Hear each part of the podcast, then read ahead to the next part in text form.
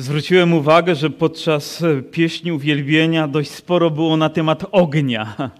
I dzisiaj również moją modlitwą jest tak, jak jedna z pieśni mówiła: płoń w sercu mym, płoń w sercu mym. Może to jest właśnie ten czas, kiedy Duch Święty chce nam przypomnieć, że nasze serca nie mogą być obojętne, letnie, ale mają płonąć dla Bożej chwały. I mam nadzieję, że Wasze serca również dzisiaj płoną takim czystym pragnieniem przyjmowania Bożego Słowa. Po prostu ten żar oczekiwania na Boże Słowo powinien przyprowadzać nas w takie miejsce, jak to otwierać nas, a Bóg z pewnością rozpali je tak tylko, jak On może to uczynić. Chcę też przypomnieć, że w związku z sytuacją pandemii w naszym kraju i przepisów, które się pojawiły, no, mówię to z bólem, niestety na nasze nabożeństwa trzeba się zapisywać. Y, niedzielne i środowe. Mówię w liczbie mnogiej niedzielne, nie niedzielne jedno, tylko niedzielne dwa nabożeństwa, które mamy o godzinie 10, o godzinie 12. Uczyniliśmy tak wyjątkowo, specjalnie dlatego, żeby jak najwięcej osób mogło na żywo uczestniczyć w nabożeństwach a więc mnożymy możliwość uczestniczenia w społeczności, bo to jest dla nas, dla Kościoła, dla ludzi wierzących bardzo, bardzo ważne. Amen? Więc my jesteśmy dzisiaj tutaj błogosławieni, ponieważ zostaliśmy odnotowani w czerwonej księdze świętych u siostry Marysi i do niej też proszę kierować wszystkie zapytania, czy jeszcze są wolne miejsca. Są Marysiu jeszcze na niedzielę wolne miejsca? Dwa miejsca ostatnie. Promocja jest do końca nabożeństwa. Nie dzwońcie, co prawda, bo Marysia nie odbierze, ale dwa, dwa miejsca jeszcze mamy wolne. Jak to można powiedzieć?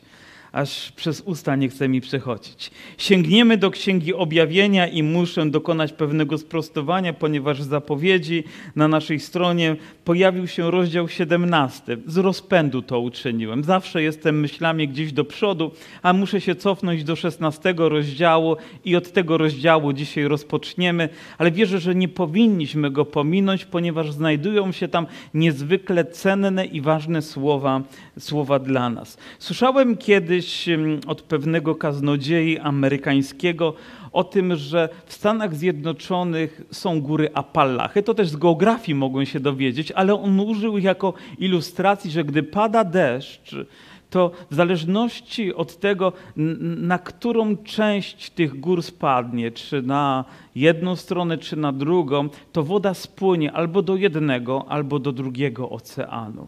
Może, może do jednego albo do drugiego, w zależności jak spadnie. I myślę, że tak jest z Bożym Słowem i tak jest z Księgą Objawienia, w zależności od tego, na jakie serce to słowo padnie. Może to nie jest nieładne słowo, ale spłynie do naszego serca, to taki skutek będzie, taki rezultat. I wierzę, że to słowo szczególne znaczenie ma dla ludzi wierzących. Dla ludzi niewierzących raz, że nie mają zrozumienia, raz, że nie mają poznania, a dwa, że to słowo nie jest dla nich przychylne dla nas, ludzi wierzących, jest ogromnym źródłem błogosławieństwa i nie powinniśmy się go obawiać, ale powinniśmy z otwartością przyjmować go, ponieważ w nim jest zawarta treść, której bardzo potrzebujemy. I oto Jan rozpoczyna tak w rozdziale 16, 16 wierszu pierwszym. I usłyszałem donośny głos mówiący ze świątyni do siedmiu aniołów: Idź Idźcie i wylejcie siedem czasz gniewu Bożego na ziemię. Wiem, że początek nie jest zbyt zachęcający, ponieważ dowiadujemy się, że oto potężny głos znowu rozbrzmiewa ze świątyni. Nie mamy cienia wątpliwości, kto ten głos wydobywa z siebie i do kogo ma on dotrzeć i jaki jest przekaz jego, że oto siedmiu aniołów pojawia się na arenie świata, aby wylać czaszę gniewu na ziemię. Ta liczba siedem oznacza, że ma się coś dopełnić. I cały ten rozdział jest rozdziałem, który możemy porównywać również ze Starym Testamentem i z innymi fragmentami Bożego Słowa, ponieważ mówi o tym, co się wydarzy, o kataklizmach, o plagach, które się pojawią i o tym, jaki rezultat ich będzie, jaki będzie skutek, jaki będzie miało wpływ to na ludzkość. Ale różnica pomiędzy, powiedzmy, plagami egipskimi, a tymi, które pojawiają się tutaj, jest tak ogromna, ponieważ tam, można powiedzieć, jest to lokalnie, dotyczy pewnej grupy, z której Bóg chciał wyprowadzić z Egiptu swój lud, ale tutaj będzie to dotyczyć całego świata, to będzie jakby dopełnienie tego, co ma się wydarzyć, a więc ma to znaczenie, bo już nie chodzi tylko o nich, ale chodzi o nas, nie chodzi o kogoś, ale chodzi o mnie. To słowo ma być ostrzeżeniem, albo też i zachętą i błogosławieństwem w zależności od tego, w jakim miejscu naszego życia w jakiej relacji jesteśmy z naszym Bogiem. Wylane zostaną czasze gniewu. Ale pomyślałem sobie tak, rzeczywiście to się wydarzy, ale my jako ludzie wierzący wiemy, że to, co Bóg dzisiaj przez wieki przygotowywał dla nas, to oceany Bożej łaski, niezmierzone zasoby Bożej miłości, z której mogliśmy i możemy wciąż czerpać dla nas. A więc jesteśmy uprzywilejowani. Nie musimy czekać na czaszę gniewu, ale póki jest czas łaski, możemy czerpać z tego, co jest czystym, świętym i niewyczerpanym źródłem. Pan Jezus pewnego dnia podczas świątyni powiedział, żeby ludzie przyszli do Niego że On da im wodę życia, że sprawi, że w ich sercach nawet będzie przepływać potokami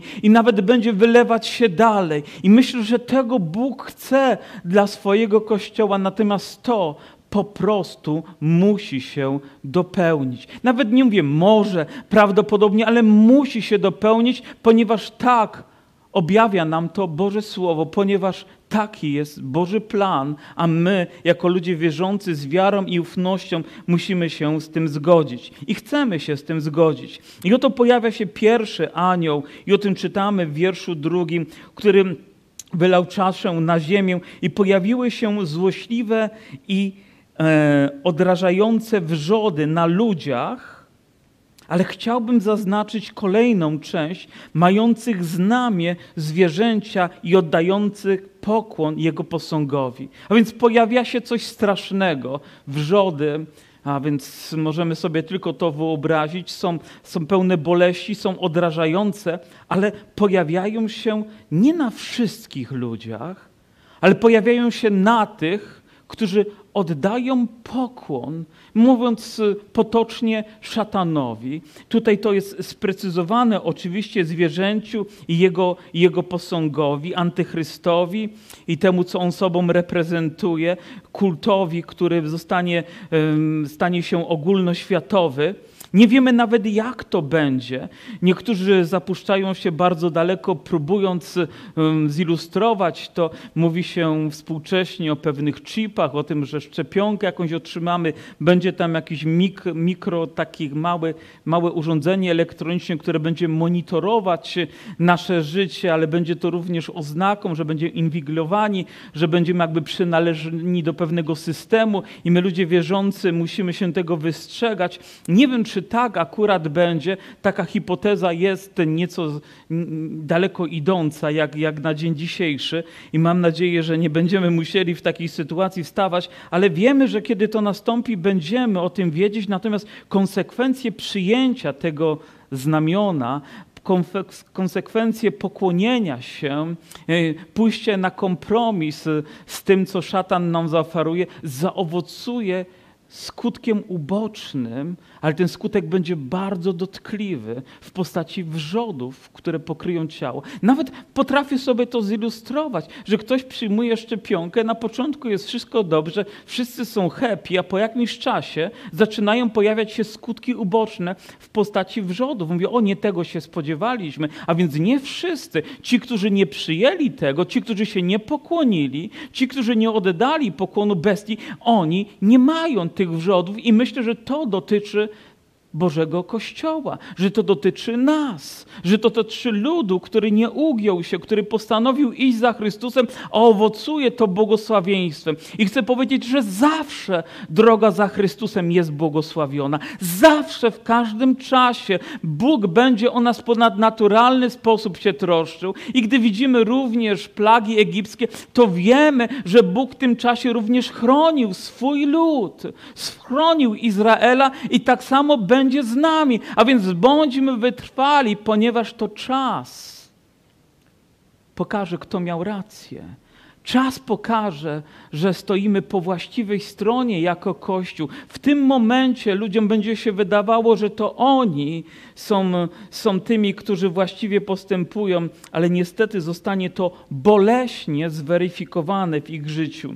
A później drugi wylał czaszę na morze które przemieniło się w krew jakby z, z, umarłego i wszelkie stworzenie żyjące w morzu zginęło. I trudno sobie to wyobrazić, że nagle jesteśmy świadkami, że nie tylko jedna rzeka, Nil, ale morze, oceany zaczynają przemieniać się w coś na naszych oczach zamiera tam życie. A jeżeli tam zamiera życie, to jakie skutki będzie to miało dla ludzkości? Potraficie sobie to wyobrazić? Ktoś kiedyś powiedział, że jeżeli ostatnia pszczoła zginie, to po dwóch latach cała ludzkość przestanie istnieć. Słyszeliście takie stwierdzenie? I myślę, że ono jest jakoś naukowo uzasadnione, a więc wyobrażam sobie, gdyby życie w morzach zamarło, a wiemy, że tam produkuje się tlen, dobrze myślę, że to jest źródło błogosławieństwa dla nas, ale tam zamiera życie.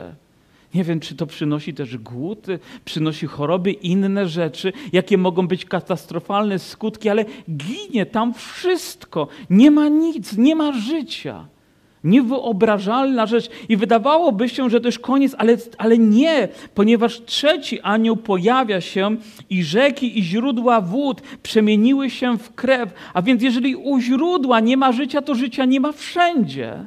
Próbuję sobie wyobrazić, że w jakimś momencie ktoś odkręca kran, żeby nabrać wody do kubka, żeby schłodzić swój spieczony język, ale nie może tego uczynić, bo krew płynie z kranu, ponieważ źródła zostały skażone. Jest to niemożliwością, jaka tragedia. Próbujemy ugotować obiad, ale nie ma wody. A więc jak sobie wyobrazić życie bez wody? I wiecie, że ludzie, którzy myślą o przyszłości, i to jest odpowiednia nauka, która się tym zajmuje, mówi, że największym problemem cywilizacji będzie to, że będzie brak wody, że nie będziemy mieli dostępu, że ludzie zaczną o to walczyć, zaczną przelewać również krew. Oni dochodzą do tego teraz, ale ja czytam o tym u źródeł i wiem, że takie rzeczy nie są tylko hipotezą, ale są czymś realnym, zagrażającym i coś, co zacznie się wypełniać w czasach ostatecznych. Straszna to rzecz. Nie wiem, w jaki sposób Bóg nas będzie zaopatrywać, Kościół, ale wierzę, że Bóg zawsze znajduje właściwy sposób. I słyszałem anioła wód, a więc jest anioł wód. Tutaj dowiadujemy się anioła, który jest odpowiedzialny za wody. Tak? To jest anioł, który ma nad tym pewną władzę i oto mówi takie słowa mm, mówiącego, sprawiedliwy jesteś Ty, któryś jest i któryś był święty, żeś taki wyrok wydał. Myślę, jak trudno aniołowi nawet było wypowiedzieć te słowa.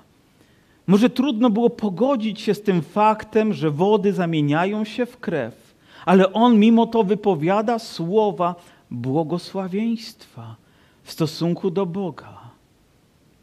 Wiecie, ile wiary trzeba, żeby człowiek wierzący w chwili próby, doświadczenia, bólu, łez, smutku, kataklizmów, katastrof, niebezpieczeństw mógł powiedzieć: Chwała Ci Boże. Może nie wszystko rozumiem, ale zgadzam się, że to, co czynisz, jest właściwe, jest sprawiedliwe, wznieść się ponad to, co widzą moje oczy, ponad moją możliwość interpretowania tego, aby wyrazić to. Jakżebym chciał, żeby gdzieś może na łożu boleści, w jakiejś chwili doświadczenia, dzisiaj wierzący człowiek, nawet nie bacząc na to, co go dotyka, powiedział: Boże, chwała Ci za to.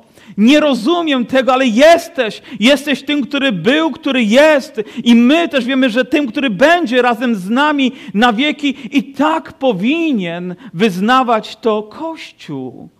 Będą się działy te rzeczy. Czy mamy w związku z tym zamierać, czy mamy uwielbiać Boga, gdy trzęsie się ziemia, gdy woda zamienia się w krew? Za chwileczkę o kolejnych rzeczach będziemy mówić. Jak my powinniśmy w takiej sytuacji zareagować? Na naszych oczach dokonują się zmiany. Możemy utyskiwać, możemy narzekać, możemy szemrać, możemy nawet przeklinać. Ale nie róbmy tego ponieważ wzorem dla nas jest to, co w niebie. Przecież o to się modlimy. Panie, my chcemy tego, co z nieba, my chcemy takiej atmosfery, a więc tak samo powinniśmy oddawać chwałę naszemu Bogu, nawet jeżeli nie jest to wcale tak łatwe i tak naturalne, wynikające z tego, co dla nas byłoby przyjemne. Ponieważ, e, ponieważ oni przelali krew świętych i proroków, ty dałeś im do picia także krew i zasłużyli na to. Wiem jedno, Bóg jest sprawiedliwy i żadna łza, żadna kropla potu, żadna kropla krwi nie pozostanie bez Bożej odpowiedzi.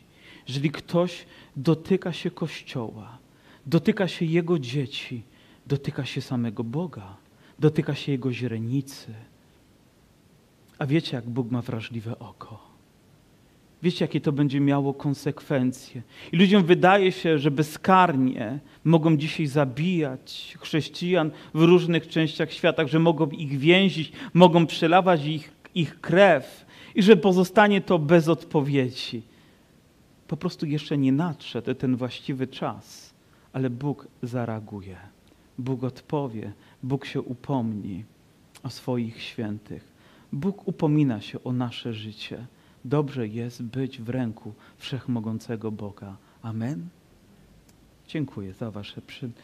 I usłyszałem, jak ołtarz mówił: Tak, Panie Boże Wszechmogący, prawdziwe i sprawiedliwe są Twoje sądy. Nieraz my próbujemy oceniać Boga poprzez to, co się dzieje, a ja Wam powiem, jaką ja przyjąłem postawę. Ja ufam Bogu że to, co czyni, jest sprawiedliwe. Ja mu ufam bezgranicznie. Ja nie próbuję polegać na moich osądach, ale zdaję się na Boga. Nawet Bóg nas zachęca, żebyśmy nie osądzali innych, nie skazywali ich, ale pozostawili to Jemu. Prawda, że tak? To nie oznacza również, że nie możemy wymagać od siebie, bo powinniśmy się zachęcać, powinniśmy nawet dyscyplinować, ale nie osądzać, skazując kogoś na wieczne potępienie, ponieważ to jest tylko i wyłącznie w gestii wszechmogącego, sprawiedliwego Boga. A czwarty wylał czaszę swoją na słońce i dana mu została moc palenia ludzi żarem. I byli ludzie popaleni wielkim żarem i bluźnili imieniu Boga, który ma moc nad tymi plagami, a nie upamiętali się, aby oddać mu chwałę. To jest trudne niemal do zrozumienia. Nawet gdy patrzę na plagi egipskie, jakże oczekiwałoby się, że w pewnym momencie serce faraona zmięknie. Jakby na chwilę rzeczywiście taki przebłysk jego świadomości jest, że już jest gotowy wyjść, a w końcu mówi nie i coraz twardsze i twardsze i twardsze jest jego serce. Jak ludzie zareagują na to, co się dzieje? Widzimy tutaj obraz, który nie podoba nam się, bo zamiast zwrócić się do Boga, zamiast wołać do Niego, słońce pali niemiłosiernie. I to wylanie tej czaszy na słońce, czy oznacza zmożoność promieni słonecznych, czy tak jak my to próbujemy wytłumaczyć, że warstwa ozonowa gdzieś zostanie zniszczona i te promienie przenikają i zaczynają rzeczywiście być wyniszczające. I im dłużej żyjemy, to wiemy, że skutki są teraz tego coraz bardziej boleśne i widoczne również na Ziemi a kiedyś to będzie jeszcze zmożone, bo dopełni się, bo dopełni się to, a, a mimo to Mimo tych ostrzeżeń nie chcą przyjść, aby oddać chwałę Bogu, ale zaczynają bluźnić, zaczynają przeklinać Boga, odwrotnie do tego, co powinni uczynić. Dobrą rzeczą było poznać Boga, cudowną rzeczą jest Go uwielbiać, błogosławioną rzeczą jest żyć w pokoju i taką niezwykłą oczekiwać Jego powtórnego przyjścia, tego, co ma się wydarzyć, bez strachu, bez paniki, bez rozgoryczenia, ale z ufnością, z nadzieją, z wiernością naszemu wszechmogącemu Bogu. Słońce zaczyna palić niemiłosiernie. Na przestrzeni ostatnich nawet lat mojego życia zauważam różnicę pomiędzy zimami sprzed 20 nawet lat i obecnymi. Nie wiem, jak to wyglądało 20 lat temu, o tej porze roku, ale nieraz już śnieg był dość wysoko, już trzeba było zakładać nieco grubsze ubranie. Wiem, że niektórzy może nawet się cieszą, za chwilę może palmy będziemy sadzić. O, chyba do tego nie dojdzie. Ale mam wrażenie, że klimat się zmienia. Wy również? Czy słońce pali mocniej? Czy ziemia jakoś się przekręciła?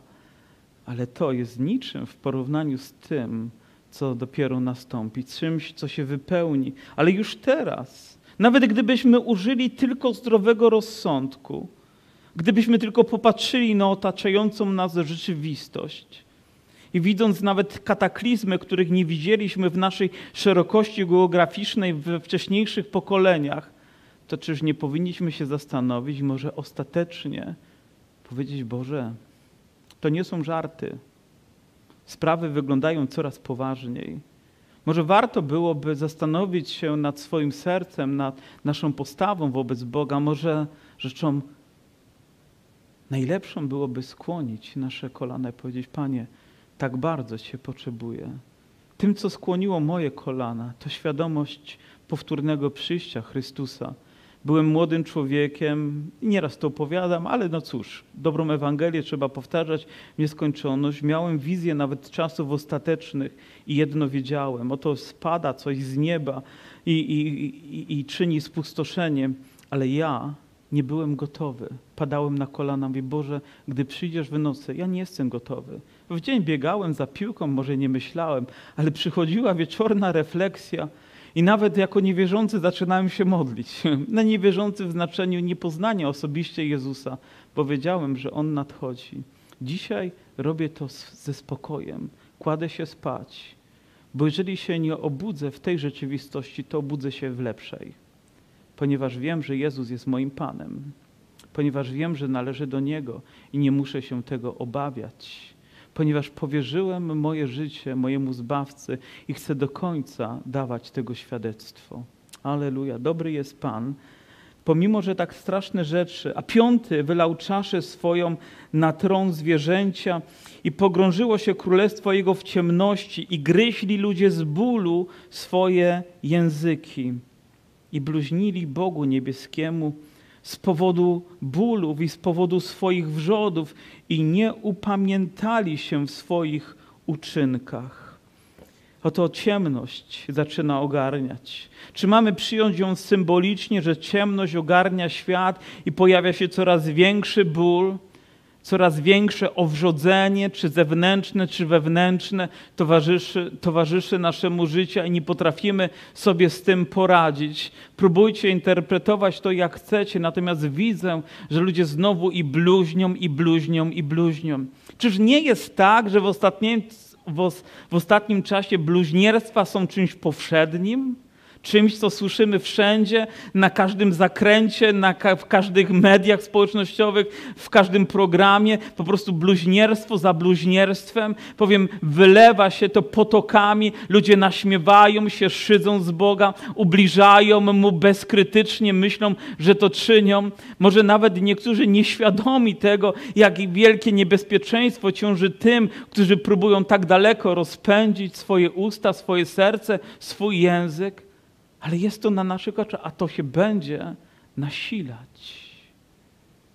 A to będzie coraz większe. Jakże błogosławieni są ci, którzy zostali przemienieni w swoim sercu, których język został przemieniony, aby z tego, co czyste, wypływało błogosławieństwo. Bóg mówi, nie może z tego samego źródła pochodzić i błogosławieństwo, i przekleństwo. Mówi, wybierz, wybierz. My wybraliśmy błogosławieństwo. Wybraliśmy, by chwalić Boga. Nie przez chwilę, gdy jest nam dobrze, nie przez moment, gdy przychodzi ulga, ale na wieki wieków. W każdej sytuacji powiedzieć: Boże, jesteś wielki. I to już wydawałoby się jest dużo, ale sytuacja staje się jeszcze dramatyczniejsza. A szósty wylał czaszę swoją na wielką rzekę Eufrat i wyschła jej woda, aby można było przygotować drogę dla królów ze wschodu słońca. I oto widzimy, że wielka rzeka Eufrat zaczyna, zaczyna wysychać, a nawet całkowicie, żeby stała się autostradą. Ta rzeka ma swoje źródła w Turcji, a później biegnie przez Syrię e, i do Iraku dociera, a, a, więc jest to duża, naprawdę jedna z dwóch największych rzek w Mezopotamii, a więc ma ogromne znaczenie gospodarcze, ekonomiczne. I co ciekawe, gdybyśmy przetłumaczyli słowo Eufrat na nasz język, wiecie, jakby brzmiało? Dobro. Czy możemy przyjąć dobro wyschło i pojawia się wróg? Ale myślę, że to ma również e, takie dosłowne znaczenie. Oto Cyrus, gdy próbował zdobyć Babilon i nie mógł tego zrobić, spowodował, że jego inżynierowie zrobili pewną tamę na rzece, przekierowując wody do pobliskiego jeziora, a on wykorzystał wyschnięte dno rzeki jako autostradę, by dostać się ze swoimi wojskami i podbić Babilon. Ta rzeka jest zaopatrzeniem w życie, ale staje się autostradą, by rozegrała się ostateczna batalia i wojna, ale o niej dzisiaj nie będziemy mówić, do niej, do niej jeszcze będziemy powracać. I widziałem trzy duchy nieczyste, jakby żaby wychodzące z paszczy smoka i z paszczy zwierzęcia i z ust fałszywego proroka. I mamy pewną zagadkę, która mówi o tym, co, co prawda i niektóre rzeczy są jasne, bo na przykład smok, wiemy, że to jest symbol szatana, wiemy z paszczy zwierzęcia i z ust fałszywego proroka. Zwierzę wiemy też, że obrazuje antychrysta, ale z ust fałszywego proroka kogoś, kto w ostatecznych czasach będzie rozsiewał fałszywe wieści, fałszywe, nieprawdziwe, niepochodzące od Boga, podszywające się może pod Niego. I, I rzeczywiście, gdy czytamy cały Nowy Testament, to wiemy, że wielu fałszywych proroków powstanie, wielu fałszywych mesjaszy, wiele fałszywych nauk, które będą próbowały zakwestionować to, co rzeczywiście mówi, Boże Słowo, ale to, co się będzie wylewać jak potok słów z ich ust. Rzeczą ciekawą jest, że żaba, ona przez Augustyna została nazwana najbardziej gadatliwą próżnością jakby jej rechot symbolizuje to, że będzie wiele, wiele, wiele tych słów, ale będzie tylko rechotem, ale nie będzie prawdą, nie będzie objawieniem, nie będzie Bożym Słowem, nie będzie miało nic z tym wspólnego. To wyjdzie jako nieczyste z ust szatana, aby dotrzeć, aby zniszczyć, aby spustoszyć życie człowieka. Żaba była uznawana e, przez Żydów za zwierzę nieczyste i takie rzeczy też zaczynają wydobywać się w sposób fałszywy, próbują być e, przekazywane ludziom, aby tylko odwieść ich od, od Boga. A są to czyniące cuda duchy demonów, które idą do królów całego świata, aby ich zgromadzić na wojnę w ów wielki dzień Boga Wszechmogącego. I oto znowu kolejna rzecz, która jest zagadką, jest pewną rzeczą, którą trudno nawet nam zrozumieć. Jak to? Demony zaczynają dokonywać cudów? Zaczynają czynić rzeczy, za które ludzie będą obdarzać ich podziwem, pewną czcią, kultem, ponieważ to będzie na ich oczach, wykorzystując pewnie jeszcze do tego środki masowego przekazu, stanie się to powszechne na całym, na całym świecie. Ale uważajcie, ponieważ każde proroctwo, każda rzecz powinna być zbadana. Powinniśmy wiedzieć, z jakiego źródła przychodzi. Powinniśmy wiedzieć, jaki jest cel. To, co czynił Jezus, zawsze pochodziło z jedynego źródła, od Ojca. To, co czynił, zawsze było tym, co przysparzało chwałę Ojcu. I również tego i my zostaliśmy nauczeni przez Ewangelię, że wszystko, cokolwiek czynimy, mamy czynić w imieniu Jezusa Chrystusa, przynosząc Jemu chwałę, Jemu uwielbienie, Jemu cześć. Z tego źródła chcemy zaczerpnąć, bo to jest tak ważne dla naszego życia, tak cenne dla naszego duchowego wzrostu, dla zdrowia Kościoła, dla pomyślności naszego życia. Z tego chcemy czerpać. Oto przychodzę jak złodziej.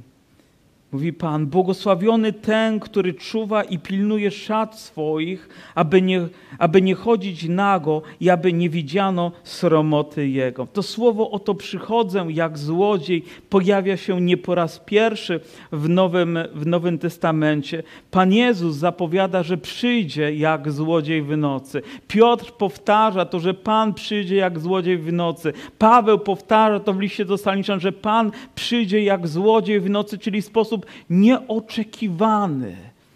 Ktoś nie czuwa, ktoś żyje sobie beztrosko, a złodziej przychodzi, ponieważ ty nawet drzwi e, nie myślałeś o tym, żeby zamknąć, zabezpieczyć, a on po prostu wkrada się i zabiera to, co cenne, to, co drogie, to, co kosztowne, to, co najlepsze. Oto jego cel niszczyć, pozostawić się biednym, ogołoconym. Biblia mówi: nie dajcie się okraść. On będzie próbować to robić z naszym życiem.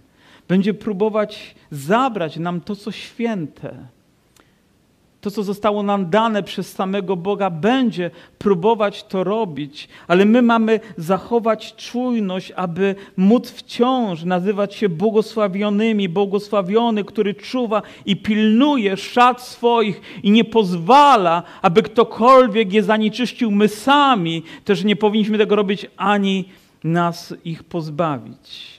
Wiecie, czytając te słowa, jakoś dziwnie przypomniała mi się mm, rzecz z mojego dzieciństwa, czy z mojej młodości, gdy chodziłem do szkoły podstawowej jeszcze. Mieliśmy taką głupią zabawę, trudno to nawet nazwać zabawą, gdy ktoś miał nowe buty i przychodził z tymi butami do szkoły, takie czyste trampki. No to naprawdę wtedy było coś, to każdy jakby uzurpował sobie prawo do tego, żeby je ochrzcić. Wiecie, co mam na myśli?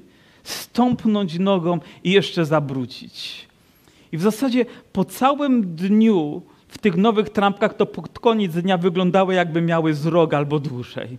To, to, co nowe zostało przez innych zniszczone. Trzeba byłoby się pilnować, uciekać, żeby ktoś nie stąpnął. Oni no, czuli to w obowiązku. Oczywiście nie twierdzę, że czyniłem inaczej. Wyznaję grzechy przed wami. Myślę, że właśnie tak diabeł chce też zniszczyć to, co święte, to, co czyste, to, co Bóg dał do naszego życia, zdeptać, zniszczyć, okraść, pozbawić nas. Ale Boże Słowo mówi: Nie pozwól! nie pozwól na to. Używając autorytetu imienia Jezus chodząc w Bożej obecności, trzymając się słowa, dochowując wierności, mówiąc grzechowi nie, a Bogu tak. Bóg zatroszczy się o nas. Ponieważ pewnego dnia będziemy chcieli wejść na salę bankietową, na salę weselną. I będą mogli wejść tylko ci, którzy będą mieli właściwe szaty. Nie będzie innego bocznego wejścia nie dostaniesz się od kulis. Nie będziesz miał tam bramkarza, który cię wpuści gdzieś bocznymi drzwiami. Będą tylko jedne drzwi i tylko ci, którzy dochowali wierności, a to będzie wymagało poświęcenia, będą mogli je zachować. Trzymaj. Diabeł przychodzi, by kraść, by zarzynać, by okradać. Jezus przychodzi, by dać nam to, co czyste, to, co święte, to, co dobre dla naszego życia. Zgromadził ich na miejscu, które po hebrajsku nazywa się Armagedon, a więc wyjątkowe jest to też miejsce. Innymi słowy mówiąc, że jest to też miejsce Megido. Jest to pewien, pewna miejscowość na szlaku między Egiptem a Damaszkiem, przynajmniej wcześniej ten szlak handlowy był. Rozegrało się tam wiele bitew, ale rozegra się jeszcze jedna bardzo ważna bitwa, ostateczna bitwa, ale mówię, do niej jeszcze powrócimy. A siódmy wylał czaszę swoją w powietrze i rozległ się świątyni od tronu donośny głos mówiący. Wiecie, nie powiem jeszcze tego, ale chciałbym powiedzieć w powietrze. W powietrze, którym wszyscy oddychamy, którego wszyscy potrzebujemy. Mówimy, potrzebujemy jak powietrza. Ono ulega zanieczyszczeniu. Wiecie, nawet e, dzisiaj tak też rozmawialiśmy w biurze i pomyślałem sobie, że w czasie tej całej pandemii, którą mamy, e, ja jej nie bagatelizuję oczywiście, bo widzę też, jakie ma skutki, ale na przykład ekologia zeszłaby na drugi plan prawda? Inne rzeczy jakby stały się mniej ważne, mniej oczekiwane. A gdyby sytuacja jeszcze stała się groźniejsza, się groźniejsza, myślicie, że ktoś by się przejmował tym? Jakby ta rzecz miała przysłonić nam to, że są rzeczy ważne, na które my powinniśmy zwrócić uwagę, a mimo to gdzieś zostały zasłonięte przed naszymi oczami, aby nasze serce może nie było przygotowane na to, ale On wypuszcza w powietrze i rozlega się głos z tronu donośny, który mówi: Stało się. Wiecie co? To słowo stało się coś oznacza. Pan Jezus na krzyżu powiedział: słowa wykonało się, prawda? I rozpoczęła się era łaski, zbawienia przez ofiarę Jezusa Chrystusa, przez Jego krew. Oceany zdroju Bożego błogosławieństwa zostały otwarte dla każdego serca, które tylko pragnie. Tak, żyjemy jeszcze w tym czasie. Chwała Bogu.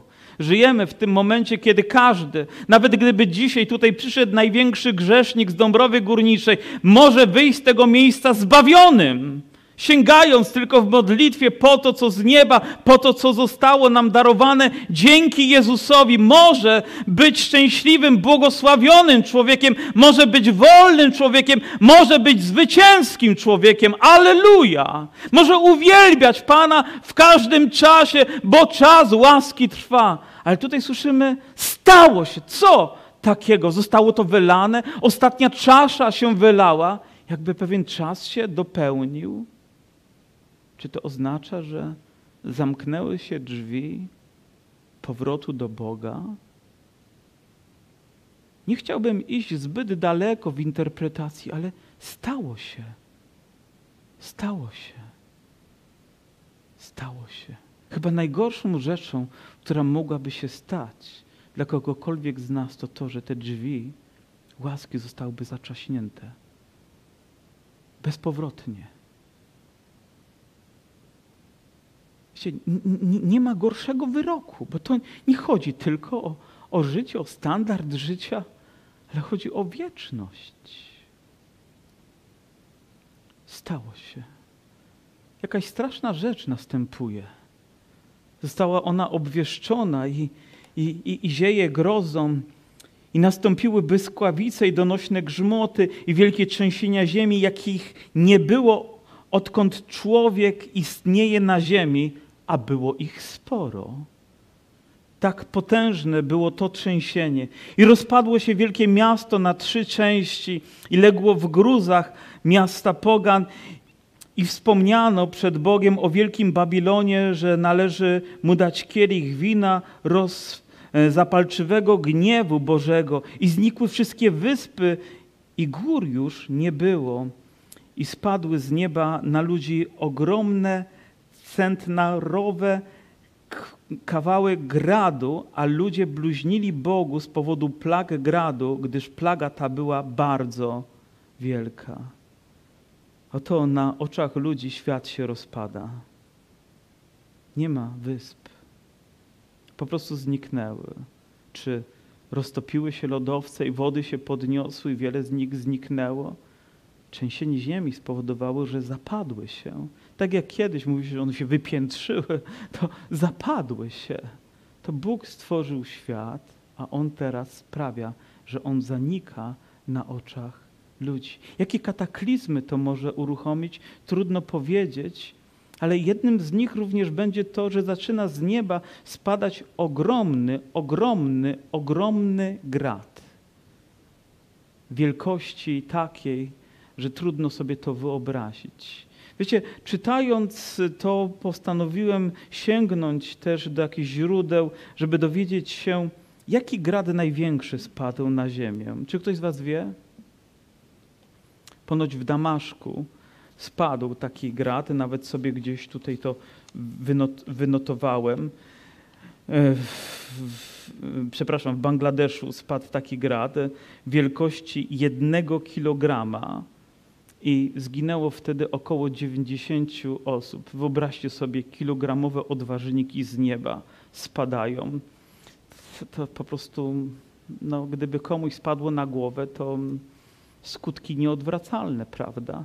Nawet gdyby uderzyło nas jakąś część ciała, to, to, to trudno sobie wyobrazić, jakie konsekwencje może mieć, ale ile wynosi ta miara, która tutaj w Biblii jest przedstawiona jako, jako centnar, czy ktoś z Was zadał sobie kiedyś trud, żeby to zbadać? I odpowiedź jest taka: około 50 kg.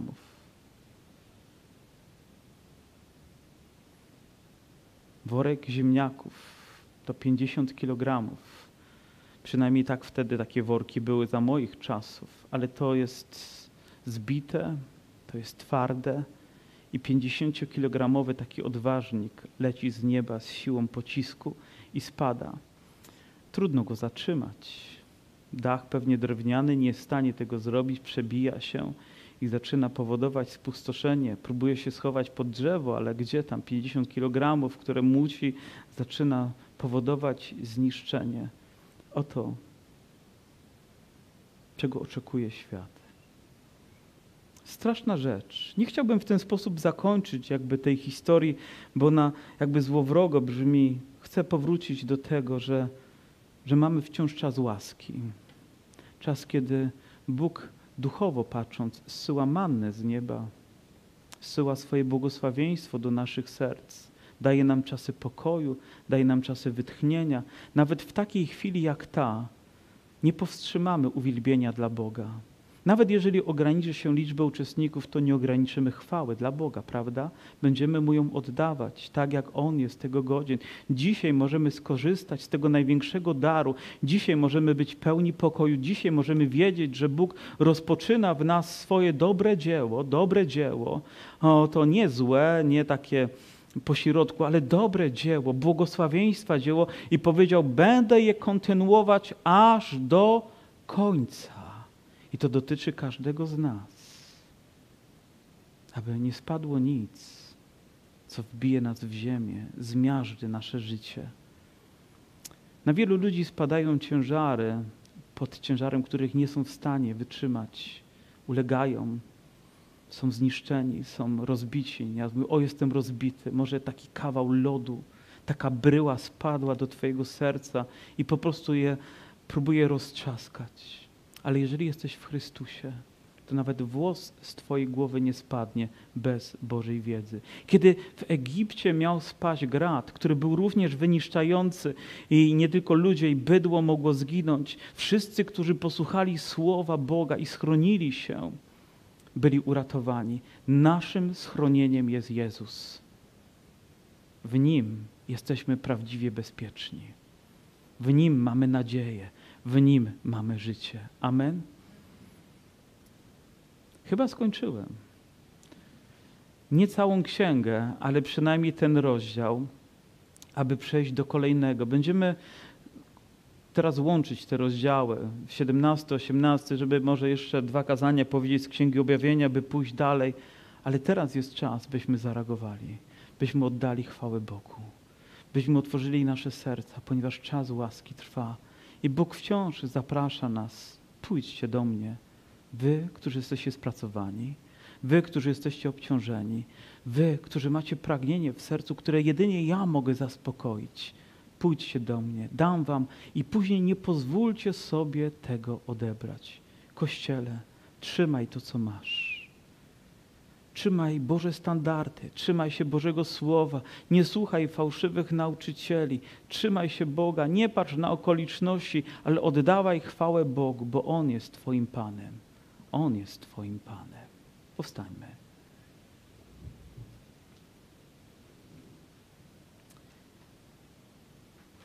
Może ktoś z Was dzisiaj potrzebuje modlitwy.